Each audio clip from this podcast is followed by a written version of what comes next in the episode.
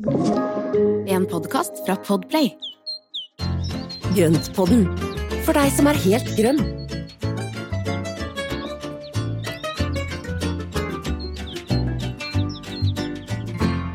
Velkommen, velkommen til Grøntpodden.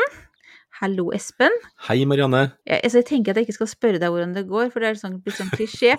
Men det er jo veldig naturlig å starte episoden med å spørre om det går bra. Ja, nei, men det er det. Og eh, det går faktisk veldig bra. Akkurat høstet noen fantastiske aprikoser. Som altså var noe av det beste jeg har smakt på ja, kanskje i hele år.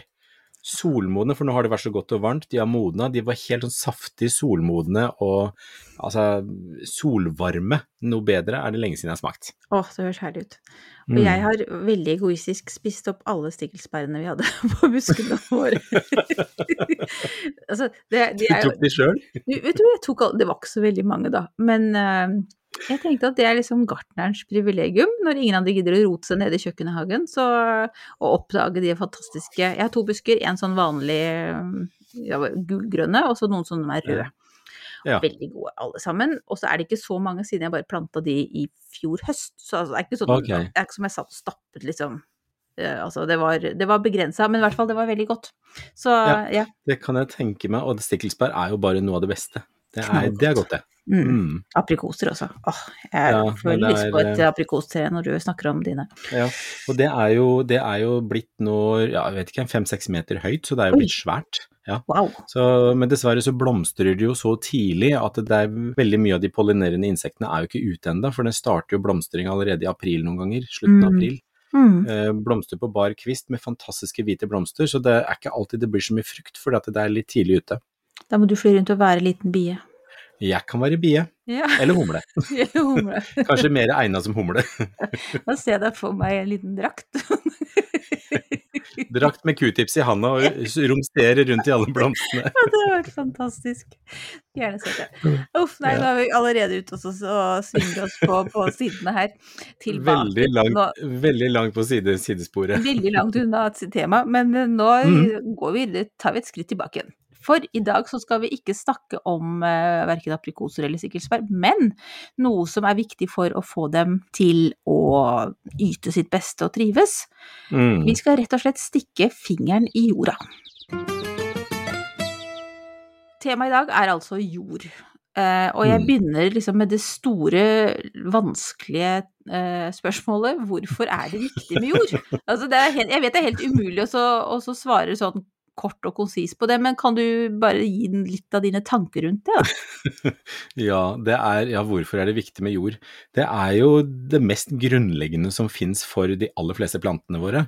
Og det blir jo som med oss mennesker, hvorfor skal vi spise og hvorfor skal vi drikke? Det er jo, Mm. det er jo nettopp å få alle byggestenene på plass, alt det vi trenger av mineraler og næring og, og det ene med det andre.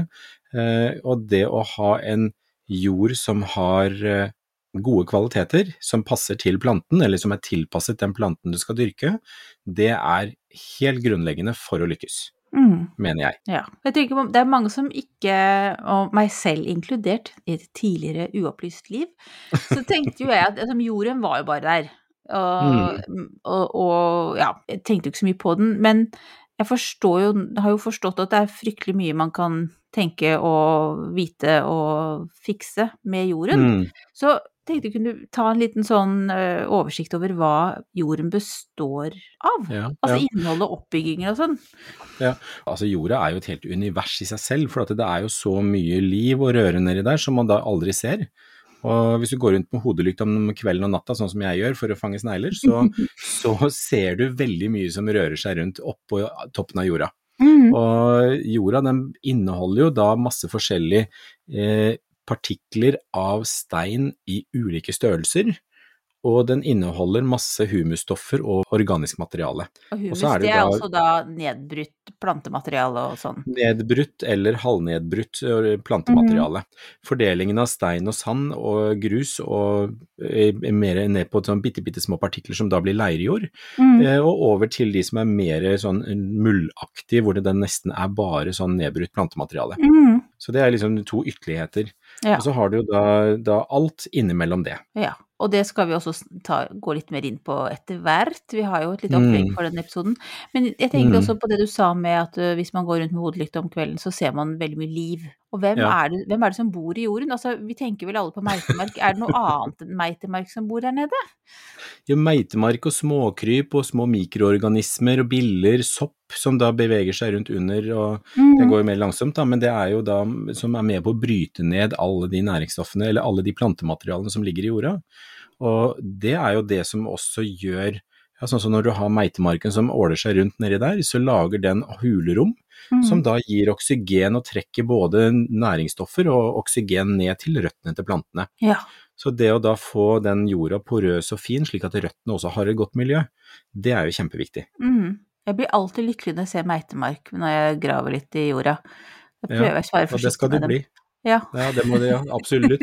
For det er jo et veldig godt tegn på at du har en frisk og sunn jord. Mm. Og, eh, og det er alle de som driver og lager ganger og spiser og roter og, og holder på nedi der, de, de, de skal vi stelle pent med. Mm. Du nevnte jo litt forskjellige typer jord. Eh, Mm. hvordan, hvordan finner vi ut hva slags jord vi har, da? Det er jo, altså kjenne litt på den, ta på den, når du da ser også hvordan den oppfører seg når den er våt, eller når du da har, eh, har, eh, når du da har regnvær eller tørke. For det er jo sånn som hvis du har en leirjord, så blir den veldig sånn kladdete og seig. Du kan nesten lage en sånn ja, kake av den uten at den da slipper fasongen. Mm. Så er det jo mye leire i den, eller da kan det jo være veldig sånn leirholdig jord, som da holder godt på fuktigheten, men den er veldig kompakt, så det er veldig vanskelig for plantene å få noe godt miljø for røttene der. Mm. Og, det, og, og også når da, hvis det kommer mye regn, så vil da en del av regnet renne av, og, og når det tørker så vil den bli helt steinhard, og så sprekker den opp. Mm. Det høres veldig kjent ut. Jeg Mm. har i kjøkkenhagen eh, så er det noen bed som er sånn, og til og med noen deler av samme bed Mm. som er sånn. Ja. Altså kan, kan man ha ule... For da, da Det syns jeg var veldig forunderlig eh, når jeg først ble kjent med jorda der. For jeg trodde jo da Å, ok, jeg har leirjord, for jeg tok den der pølsetesten som du snakka om nå, sånn, ikke sant. Men så plutselig så er det et annet sted så er jorda helt annerledes. Jeg trodde man hadde samme jord overalt i et, i et område. Nei. Ja, Det behøver du ikke, og du kan godt også ha i, i en hage, så kan du godt ha f.eks. et bed som da er tilegna surjordsplanter, og dermed bare opparbeide jord som bare er til en surjordsplante, mm. og så kan du ha andre planter et annet sted. Så Ja. det er ikke noe problem å bygge opp et bed med forskjellig jord på forskjellige steder, eller da ulike bed med ulike typer jord. Mm. Og når du da også har leirjord, så kan det jo også være partier som ligger fra gammelt av, at det området her var med leire, og et eller annet sted så går jo ofte skillet, ikke sant, mellom da leirjord, sandjord, annjord, og, Mm. og det kan jo også hende at man da bor på et sånt skille, og dermed så har man kanskje forskjellig type jord. Ikke sant. Ja, for det var det jeg tenkte på. For det er jo fra naturens side så er det jo ulikt. Så det, blir jo mer Mm. det å jobbe for oss å kanskje få en jevnere jordtype, da. Hvis det er det Mm. man trenger. Mm. Ja, og så har du også nå en del, en del eh, boliger som har blitt bygd, hvor man da får tilkjørt jordmasser, Ja. for, altså fyllmasser og jordmasser, for å da fylle opp uh, At man bruker det til å, å fylle ut tomta f.eks. Og da kan det Mm. godt være at du får med da ulike sorter av jord i den fyllmassen. Mm. Men sånn, sånn leirjord og sandjord, er det en sånn rangering på hva som er best og sånn? Og er det om å gjøre å forvandle alle disse uh, litt sånn ekstremtypene jord til en sånn gyllen middelvei-greie, liksom? Det kan, være, det kan jo gjøre det veldig mye enklere. Eh, og hvis du har en sandjord, altså leirjorda holder jo mye på fuktigheten, og den blir jo veldig sånn kompakt og kladdete.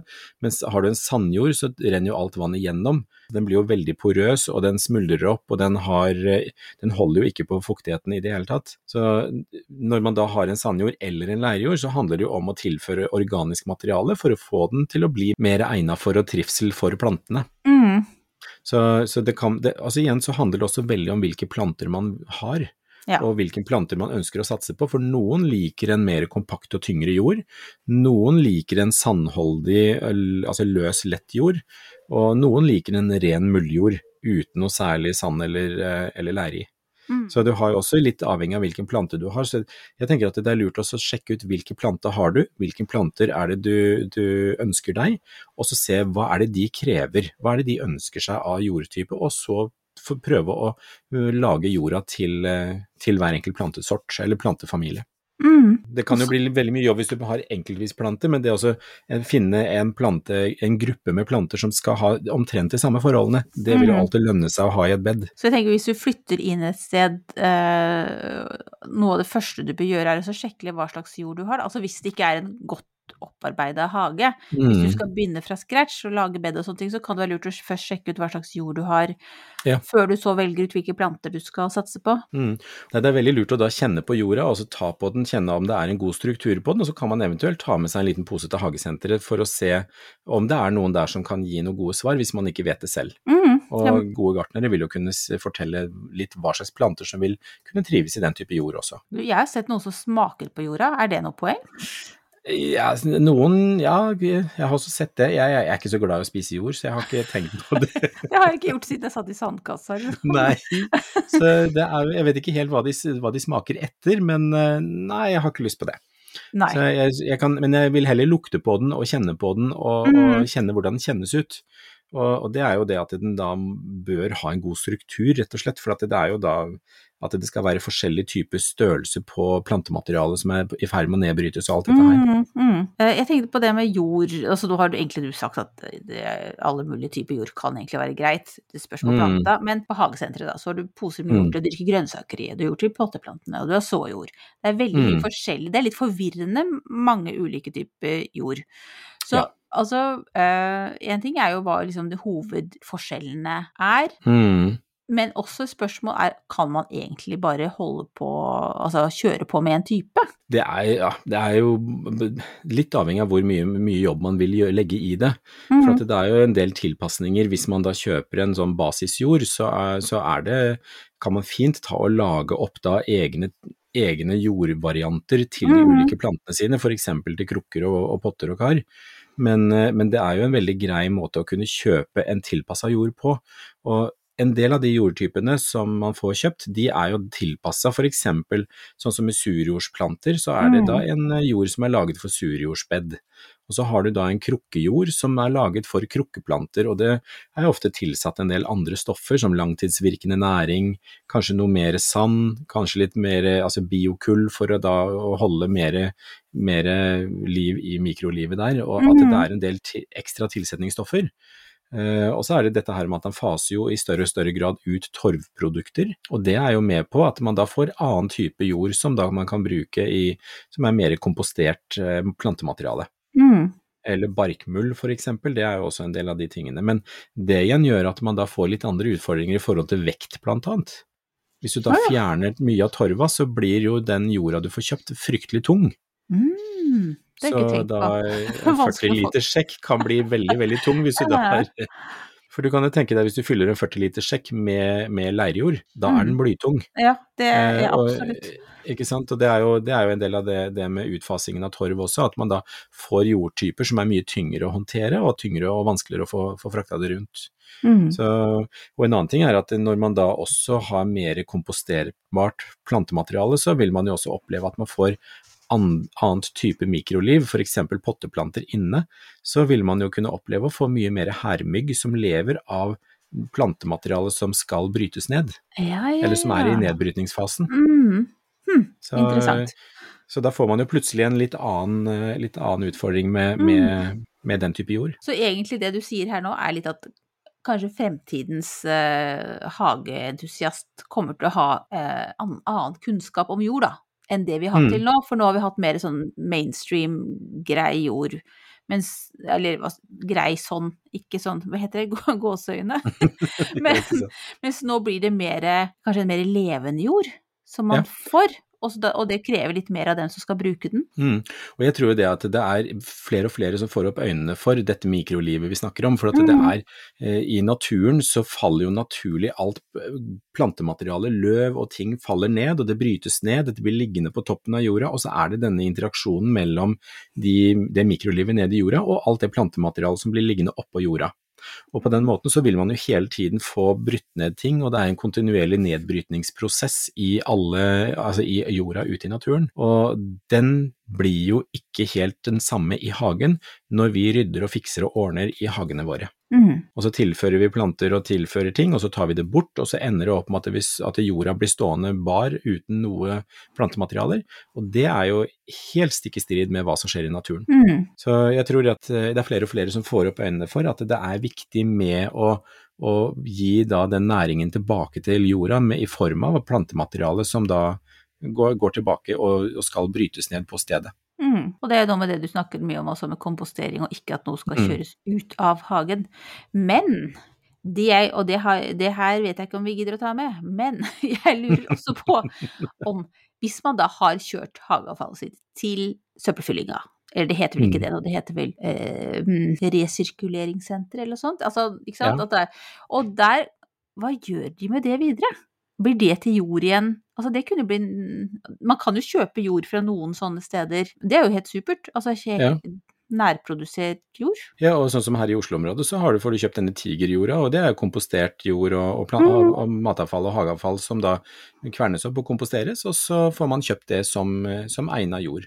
Ja. Og det er jo da noe som vi kan bruke da enten å fylle på i krukker og kar og bed, eller til jordforbedring.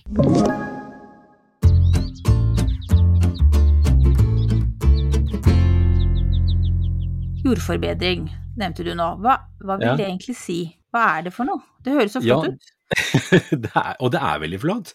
Det er kjempefine det er fine ting som vi da kan gjøre for å få, gjøre jorda bedre. Og hvis du da har en leirjord eller en sandjord som, er, ja, som det er lite trivsel i, hvor tingene ikke funker helt og sånne ting, så kan man da forbedre den med å tilføre organisk materiale. Mm. Og det er jo da kompostmateriale eller gressklipp, altså rester eh, av klipt gress f.eks. etter, etter gressklipperen. Og det er planterester, og det er løv, det er barkmull, og det kan være bokashi. Eller da, eller da også hvis man har tilgang på gjødsel fra stall, altså heste, hestegjødsel eller Mm. kugjødsel, så, så er jo det også ting som er med på å kunne forbedre jorda. Og alt det der, det er jo da organisk materiale som da kan være med på å brytes ned i jorda, sammen med å bygge opp disse mikroorganismene som vi snakker om, og Ja. få et rikt mikroliv der. Og du vet jo det, den der, det, jo, det har vi jo snakket om før, disse her mikroorganismene som finnes i jorda, så er det jo faktisk noen av de som skiller ut stoffer som minner om antidepressiva. Ja, det er Så det, som er jo en, ja, så det er jo en god grunn til at vi skal ha mye liv i jorda, og at vi skal rote i den. Så Mm. det er jo kjempe, det er jo ikke rart man blir lykkelig av å holde på i hagen. det er jo Så bra. Det er veldig Ja, bra. handler, det er genialt. så det- Ja, ikke sant. Så det handler jo egentlig bare om å få jorda til å bli enda bedre, og at Mm. den skal ha et enda rikere liv som gjør at det, planterøttene har det så bra at plantene blir store og fine. Og det her er jo et sånn, sånn kontinuerlig arbeid. Ja, ja, ja. Og, og det er som jeg alltid sier, at rot og topp henger alltid sammen. Det Mm. er uh, Uten god, gode, godt miljø for røttene, så er det heller ikke noe godt miljø for planta. Kan Så- man jordforbedre for mye? Jeg tror ikke det. Og det brytes jo ned i etter hvert som man tilfører, og hvis man ser at det ligger igjen, sånn som jeg har jo noen blomsterbed nå, hvor det ligger en del avklipt gress oppi, og det er jo ene tingen er på grunn av jordforbedringen, og det andre er jo for at det skal holde bedre på fuktigheten, for nå har det jo vært veldig, veldig tørt, ikke sant. Mm. Så det, det som da jeg merker er at det er litt mer fuktighet, og så begynner det nå å brytes ned og smuldres opp, og så forsvinner det mer og mer, og da er det jo meitemarker og annet rusk og rask som trekker dette ned i jorda. Mm. Så og da kan man legge på nytt. Ja. Så det gir jo masse, masse ekstra næring til eh, jorda. Altså, hvordan behandle For nå har du egentlig jordforbedring er jo en fin måte å ta vare jorda på. Er det andre måter vi Mm. skal behandle jorda på for å ta best mulig vare på den? Det er jo egentlig da å gjødsle med organisk eh, materiale og, Mm. og, og næringsrikt, f.eks. med hønsegjødsel og sånne ting. Ikke for mye av denne kunstgjødselen. Er det noe vi ikke skal ha i jorda da? For mye kunstgjødsel. Takk.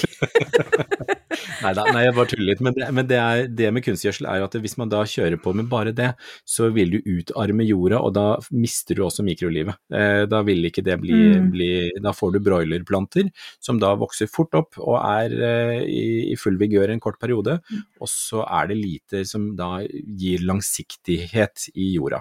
Da dør jorda på en måte. Ja, den blir veldig utmagra og skrinn, Mm, og det er mm. jo rett og slett at den, den, da bruker man den opp, på en måte, og da uten å tilføre noe ny mat til jorda, så, så vil den bli brukt opp, og da, da bruker du lang tid på å bygge den opp igjen. Mm. Men det er lov med butikkjøpt uh, næring? Ja, ja, ja. ja. Ikke sant? Er, Så jeg tenker at en god balanse der er, er fint, for at det å tilføre litt ekstra på toppen for å toppe den der grunn, grunntilførselen av organisk materiale, tenker jeg bare det, det, Jeg bruker det, og det funker veldig, veldig bra. mm. Og så tenker jeg på sånn vekselstyrking, er det det heter? Veksel, altså Ja. at man tar ulike typer planter. Mm. Eh, husker jeg ikke helt rekkefølgen, men det er jo sånn Hva er det? Er det belgfrukt Nei, hva er det belg... Jeg husker ikke. Det skal jeg prøve å finne ut på. Jeg ser du setter spørsmålstegn du også. Men det er i hvert fall en slags ja, jeg sånn husker ikke hvis- forskjellen. Hvis Nei, jeg husker ikke rekkefølgen, men eh, Nei, men det er jo liksom sånn forskjellige typer, og liksom noen som tar mer næring fra jorda enn andre, mens andre da tilfører mer. Så ja. ha den, en sånn smart, sånn eh, variert eh, dyrking da, av Ja. en plett i hagen. Det blir jo ikke det samme med blomstene så klart, og stauder og sånn, men hvis man har grønnsakshage i hvert fall, så er det. Grønnsakshager, så, ja, så er det kjempeviktig. Og det er jo det at de bruker Hvis du har de samme plantene på samme stedet hvert år, så trenger en plantetype trenger jo gjerne en, en viss del av næringsstoffene.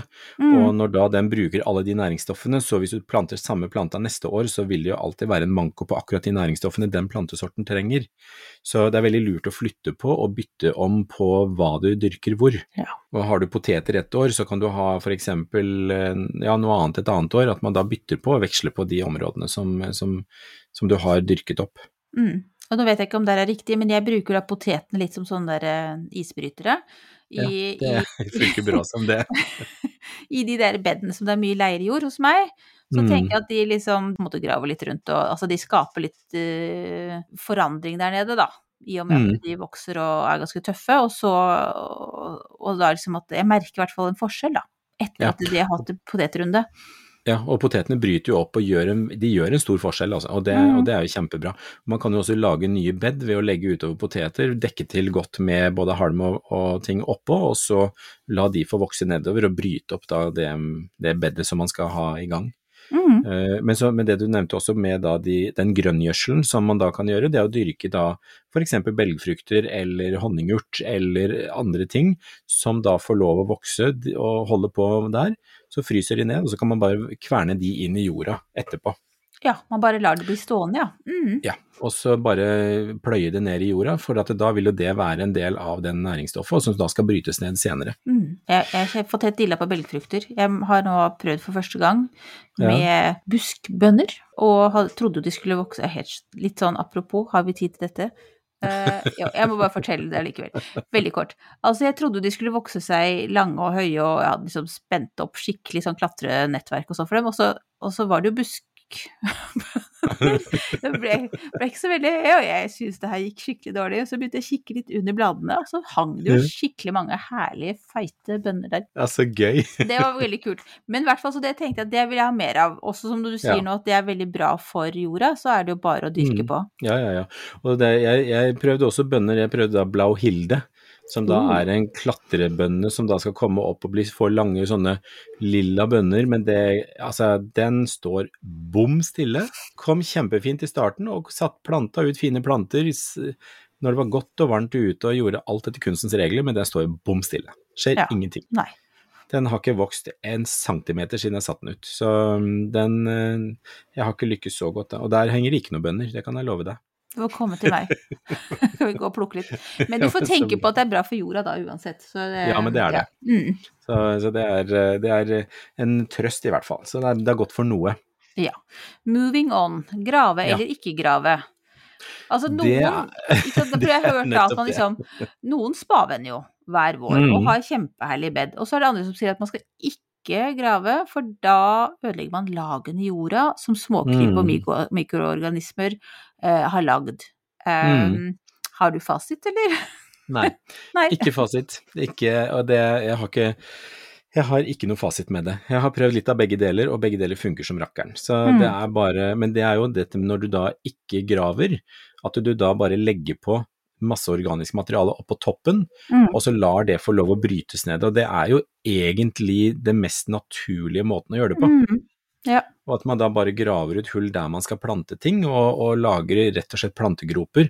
Og imellom alle plantene så bare kaster man på den Altså jeg har jo sagt det før, og jeg sier det igjen, kompostkverna er min beste venn, og den kverner jeg opp alt sånn plante- og kvistmateriale, og så bruker jeg det i bed, jeg bruker det i jorda når jeg skal potte potteplanter og sånne ting. Så blander jeg en god neve med det kvistmaterialet i potteplantejorda som jeg da skal ha der, og så og potter i det, og det funker. Og da får de da både nedbrutt og halvnedbrutt materiale i det samme. Mm. Så det brukes uh, om hverandre, og i bedene som da jeg ikke graver i, der ligger det også oppå, det blomstrer jo og holder på der også, og det har blitt kjempefint nå i år. Mm. Så er det går, uansett. Det går, stort begge sett. deler går, Ja. ja. Og det er jo, altså, altså fra gammelt av så har jo alle bønder tatt og, og, og pløyd og vendt om på jorda og gjort de tingene for at det skal brytes fortere ned. Men så har man jo da noen av de eh, nye teknikkene med, eller det er ikke nytt, men det, det at man da har dette med at man ikke skal grave, eller spavende. Mm. Og det funker jo, det funker begge deler. Jorda er egentlig Ikke noe ganske fasit. Ikke noe fasit, og jorda er ganske tilpasningsdyktig til hva vi finner på vi mennesker, men den vil ha god Mm. næring, og den vil ha litt Ja. kjærlighet og omsorg. Ja. Ja. Og det er, det, og det er nettopp det er kanskje det vi skal konkludere med, at vi må bare stelle pent med jorda vår. At vi har den eh, livskraftig og levedyktig. Mm. Kjempefint. Det var noen kloke siste ord.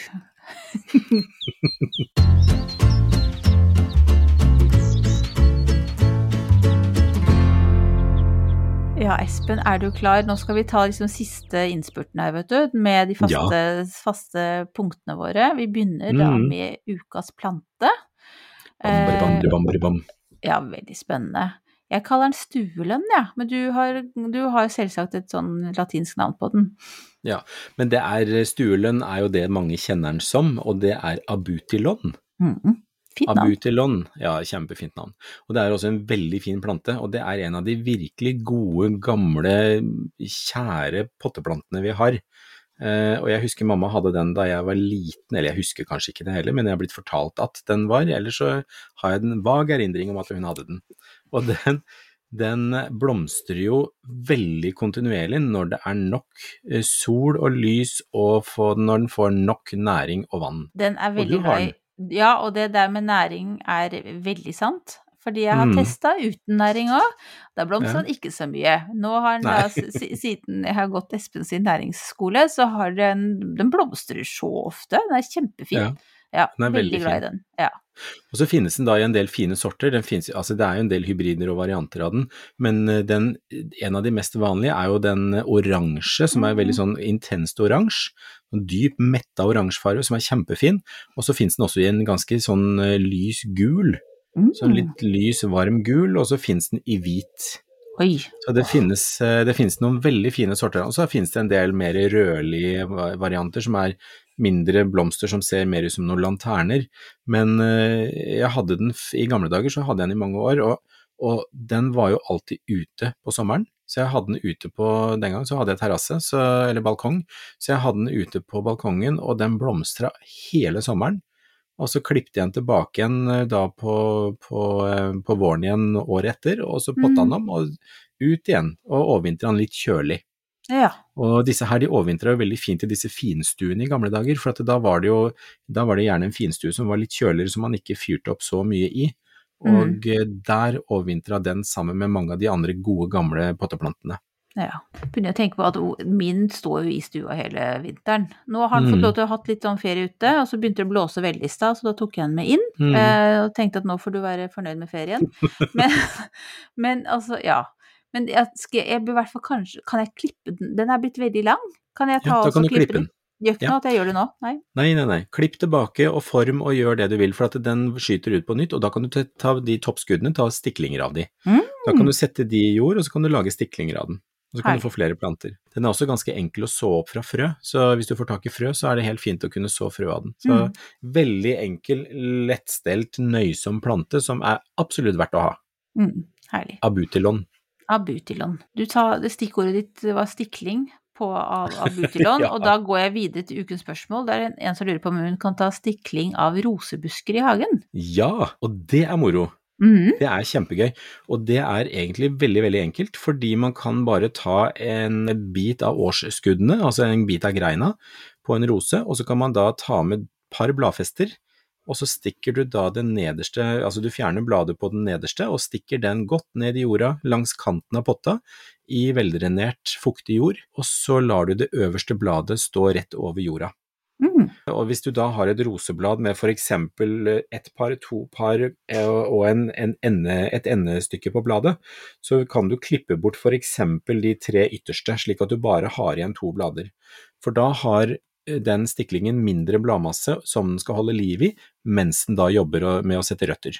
Ja, og mer om da- stiklinger og sånt har vi en hel episode om, hvis man vil ha mer Ja. detaljer om det. Ja, så, så da er det bare å tre en pose over hodet på den, vanne godt, sette den i skyggen, og så la den stå der, og da vil den eh, rote seg i løpet av ganske kort tid. Men den må via en potte. Du kan ikke bare bør- stikke den i jorda ved Du, siden av. du kan gjøre det, men det er ofte så du klarer å holde mer stabil både Mm. temperatur og fuktighet i en, i en blomsterpotte. Og skal da Så- stiklingen stå i potta over vinteren innendørs, eller kan man sette den ut etter hvert som det kommer røtter på den?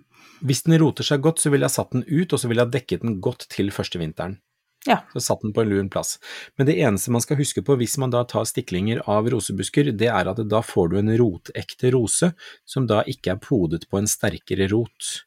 Eh, og en del roser vi har, de er jo podet på en rot fordi at den er sterkere og mer vinter, eh, vinterhard, eller herdig. Ja. Så det betyr at da kan du oppleve at rosen blir litt svakere enn den Mm. opprinnelige planta. Ta litt ekstra hensyn til den, i hvert fall følge med den Mm. første tiden, da. Mm. Ja. Og muligens at den ikke er like god, men det er vel verdt forsøket, og det er veldig gøy hvis det, hvis det funker. Mm, klart det. Det gøy. Ja, det var et fint tips. Videre, hva gjør du nå, Espen? Annet enn å snakke med meg akkurat her og nå, men hva er det du holder på med i hagen for tiden? Akkurat for tiden så, så driver jeg og manner meg opp til å lage en liten trapp. Oi. Jeg har lyst til å lage en Ja, jeg har fått tak i noen steiner, og jeg, skal, jeg har en liten sånn fjellknaus som er fryktelig glatt og sleip og vrien å gå på, for at det, hagen min er jo en del Det er mye fjell og knauser og litt sånne ting. Det er liksom veldig mye ulike nivåer. Så Mm. det er et lite sted som jeg alltid pleier å skli rundt på, og der har jeg veldig lyst til å lage en trapp. Så jeg driver og manner meg opp til å bore litt i fjell, blande sammen litt støp og få laget et fundament, og så bygd opp en liten, eh, liten trapp. Så det, det er sånn grovarbeid, men eh, det er veldig gøy hvis jeg får det til i løpet av Mm. sesongen. Nå Mm. som du har sagt det på poden, så da tenker jeg at du jeg føler. Du må gjøre det, du føler litt forpliktelse nå til å gjøre det.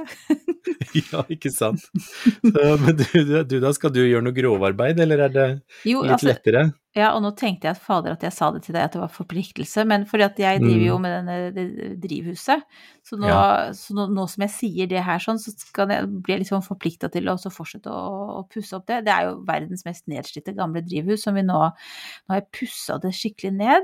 Fått Ja. fjerna det meste av gammel maling, og nå skal jeg da i gang med å olje det. Og så har vi da tenkt at vi skal bruke linoljemaling. Mm. Uh, Og det har jeg aldri prøvd før, så jeg, jeg driver liksom og plundrer litt rundt, rundt med neste steg her. Men det er et Mm. kjempelangt prosjekt, jeg kan ikke love noe sånn etterbilde i løpet av sommeren. Altså. Det her tror jeg kommer til å ta også neste år. Det går litt sakte, men det blir bra, får vi håpe. Men det er jo godt med noen sånne lange prosjekter også, og så er det noe å ta ting etter hvert som man har tid og kapasitet. Mm. Og blir det travelt en periode, så kan man bare legge til side. Og der, man må jo ikke gjøre det helt ferdig på en gang.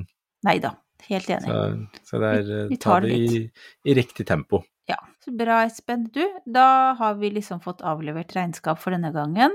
Eh, så nå er det ikke så mye igjen, da, av denne episoden. Men eh, noen ord til skal vi si. Ja.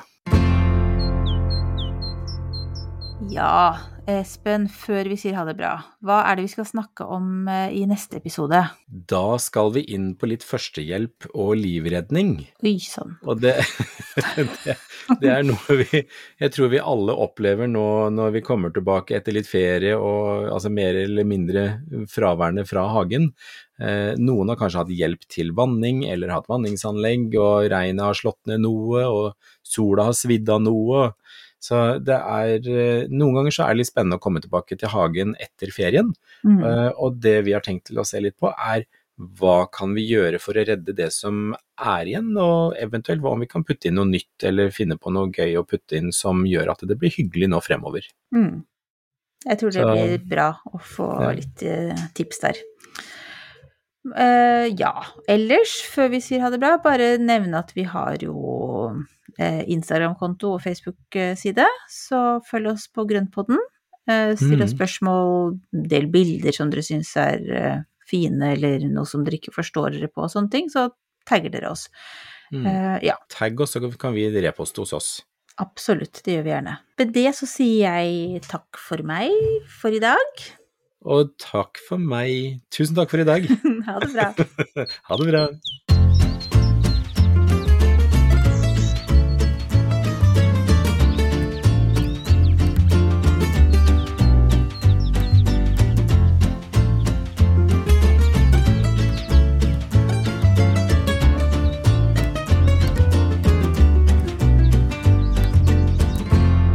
Du har hørt en podkast fra Podplay. En enklere måte å høre podkast på. Last ned appen Podplay, eller se podplay.no.